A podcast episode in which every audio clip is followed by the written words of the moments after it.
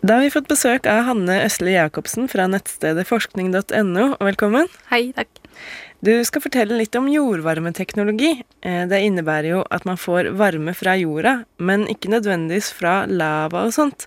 Hva er det egentlig som skaper varme i bakken under Norge? Altså man ser jo for seg at det er den der kjerna med varme som ligger innerst, men egentlig så eh, kommer varmen fra mye grunnere enn det. Um, i bergene våre, i fjella, så er det en del radioaktivt stoff. Eh, radium og thorium, eh, og kalium blant annet. Eh, og som kjent så lager jo radioaktivitet veldig mye energi, og mye av den energien er varme. Nå er det ikke så veldig mye igjen der nede, men det er nok til at når denne radiumen som er inni granitten spaltes, så skapes det litt varme. Um, og så holder jo stein på varme ganske godt, det har vi alle kjent inntil en steinpeis f.eks. Og i tillegg så er det litt sånn spesielt i Norge at det ligger et skiferlag på toppen av fjella som ligger som en slags dyne og holder varmen inne. Så det er sånn den varmen genereres, uh, og det er den varmen vi prøver å tappe inn i, da, ikke den lavavarmen som de bruker på Island f.eks. Hvordan er det man får opp varmen, da? Det er jo egentlig ganske enkelt at man borer ned for å hente den opp. Men så blir det jo litt komplisert, da, selvfølgelig. Eh, for dette her er ikke så veldig lett. Blant annet så er det sånn at berget er jo ikke uniformt en stor klump med stein nedover. Det, kan være sprekker, og det kan være masse forskjellig der nede.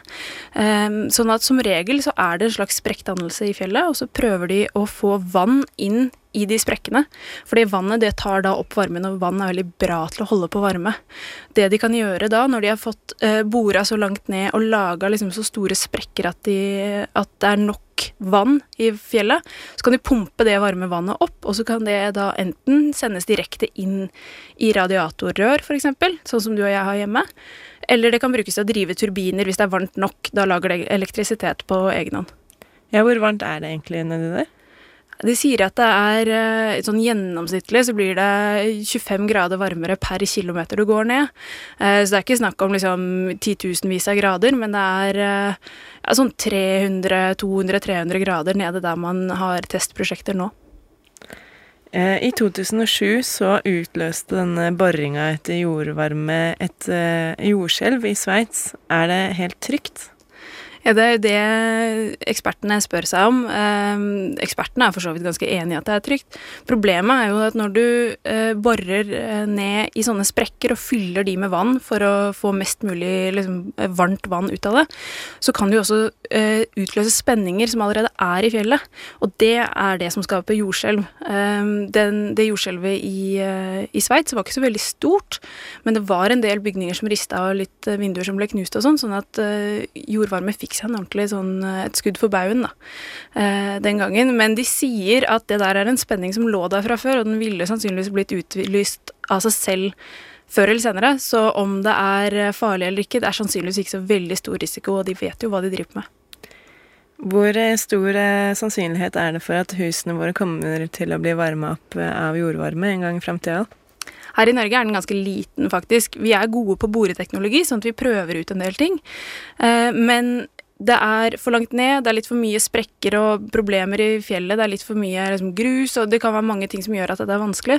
Og når du setter det opp mot det at vi har veldig billig vannkraft, som gir veldig billig og ren strøm, så blir ikke kostnadsanalysen så veldig god. Uh, og i tillegg da så har de Eh, et, sånt, et sånt varmenivå i fjellet i Norge at i løpet av 50 år så vil det være for kaldt til å kunne bruke det. Og da må det ligge stille i 50 år til for at varmen skal kunne bygge seg opp igjen eh, gjennom nye reaksjoner i fjellet.